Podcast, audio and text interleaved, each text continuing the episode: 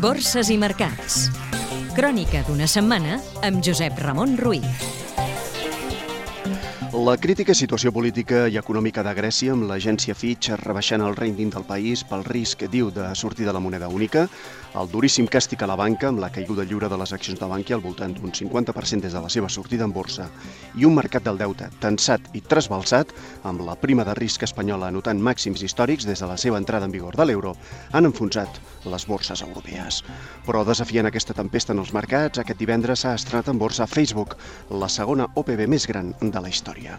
Aquí en mínims de 2003 i la setmana que el Tresor ha col·locat amb una sòlida demanda 5.395 milions d'euros en lletres a 12 i 18 mesos i bons i obligacions a 3 i 4 anys però pagant més interessos, l'IBEX 35 s'ha desplomat un 6,2% i se situa en els 6.566 punts enmig d'un govern espanyol demanant ajuda al Banc Central Europeu perquè allimeri de pressió el deute i d'una nova rebaixa entre 1 tres graons de l'agència qualificadora Moody's del rating a 16 bancs espanyols.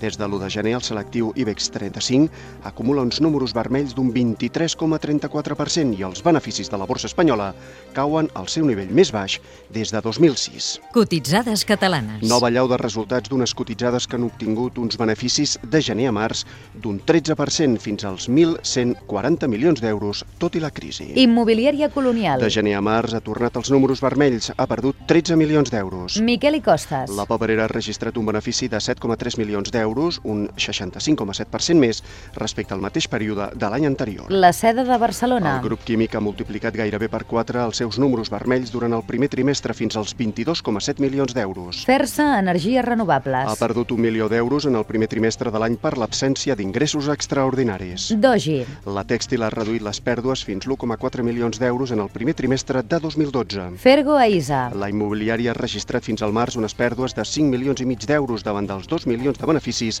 del mateix període de 2011. Indo Internacional. El grup òptic ha tancat el primer trimestre de l'any amb unes pèrdues de 957.000 euros. L'euro.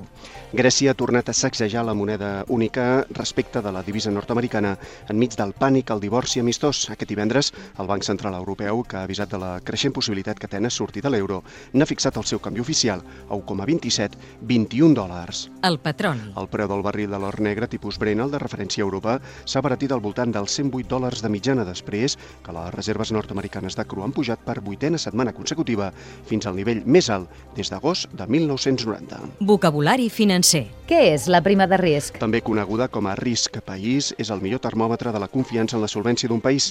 És el sobrepreu que exigeixen els inversors per comprar deute respecte als bons alemanys considerats com els més solvents.